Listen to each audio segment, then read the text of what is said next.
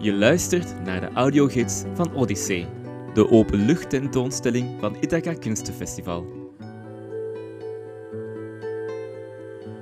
Normaal gezien sta je nu bij het atelier van Animal Speciaux, Mechelse straat 73. Hier staat de animatiefilm van Tobias de Win. Daarna, als je daar klaar bent, ga je naar nummer 83, Wijnhandelaar Convento, en daar zal je het stuk van Clara Wouters vinden.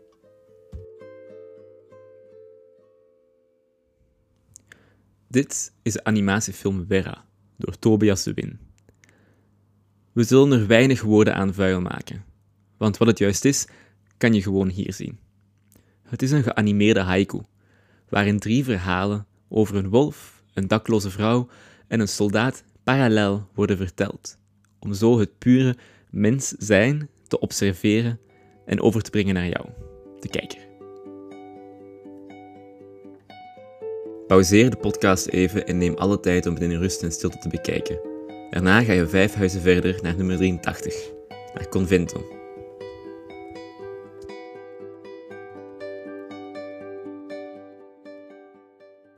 Dit is Anesthesie door Clara Wouters. We worden de hele dag om de oor geslagen met nieuwsflesjes, nieuwsberichten en nieuwsfeiten.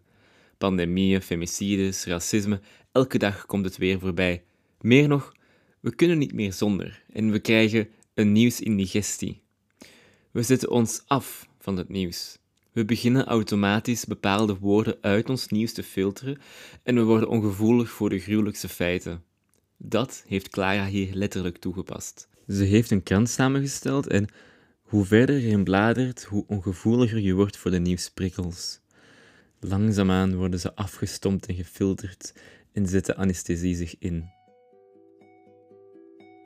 Pauzeer de gids even om in alle rust en stilte naar het werk van Clara te kijken. Daarna gaan we verder naar het Klein Begijnhof. Nu ga je naar de werken van Feverachter kijken in het Klein Begijnhof. Dan raak je door nu de Mechelse straat verder uit te lopen dan rechts af te slaan bij de Halfmaartstraat. Ondertussen luisteren we verder naar het verhaal van Vier Margriet.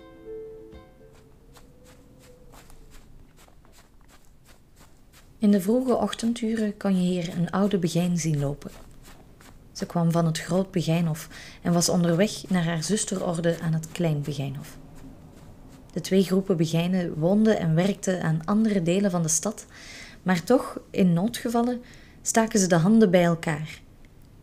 Het was nog donker en de meeste vrouwen van het Klein Begijnhof lagen nog in hun bed.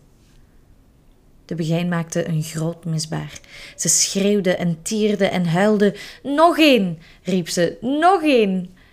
De begijnen van het Klein Begijnhof kwamen druppelsgewijs naar buiten om te zien wat er aan de hand was. Daar zagen ze de oude vrouw wenend in het midden van hun begijnhof. We zijn er nog één kwijt. Hun gezicht bedrukte. Zonder één woord te zeggen, wisten ze wat er gebeurd was en wat er gedaan moest worden. Ze verzamelden wijwater, doeken en spades en trokken naar het groot begijnhof om hun zusters te helpen.